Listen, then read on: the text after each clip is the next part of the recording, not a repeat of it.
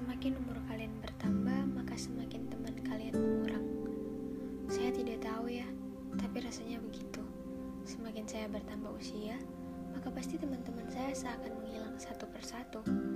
Dulu saya tidak pernah percaya kepada manusia lain selain diri saya, karena saya tahu bahwa pada akhirnya pasti mereka akan mengucap pamit dan merusak rasa kepercayaan yang telah saya berikan. Makanya dulu saya tidak pernah menaruh rasa kepercayaan pada manusia lain. Saya takut ketika saya sudah percaya dengan sepenuhnya, tapi mereka malah membalas dengan sebutunya. Dulu teman saya bisa dihitung dengan jari. Itu pun saya jarang berkumpul dengan mereka. Saya tidak terlalu suka berada di dalam keramaian. Saya lebih suka berada dalam kamar dan menulis apa yang sedang ada dalam isi pikiran saya. Sampai pada akhirnya, setelah beberapa tahun, saya mulai membuka diri dengan orang baru.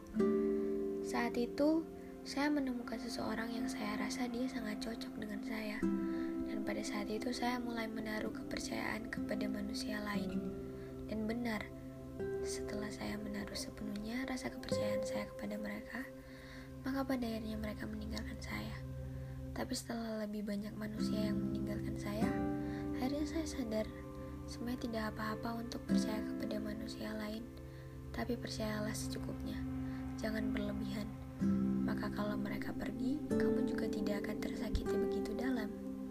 Tapi rasanya itu dapat dibilang kehilangan untuk memiliki ya. Mengapa?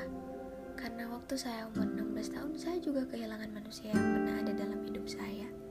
Tapi saya menemukan manusia baru yang selalu menggenggam saya, yang dapat saya percaya, dan dapat ada di saat saya butuh.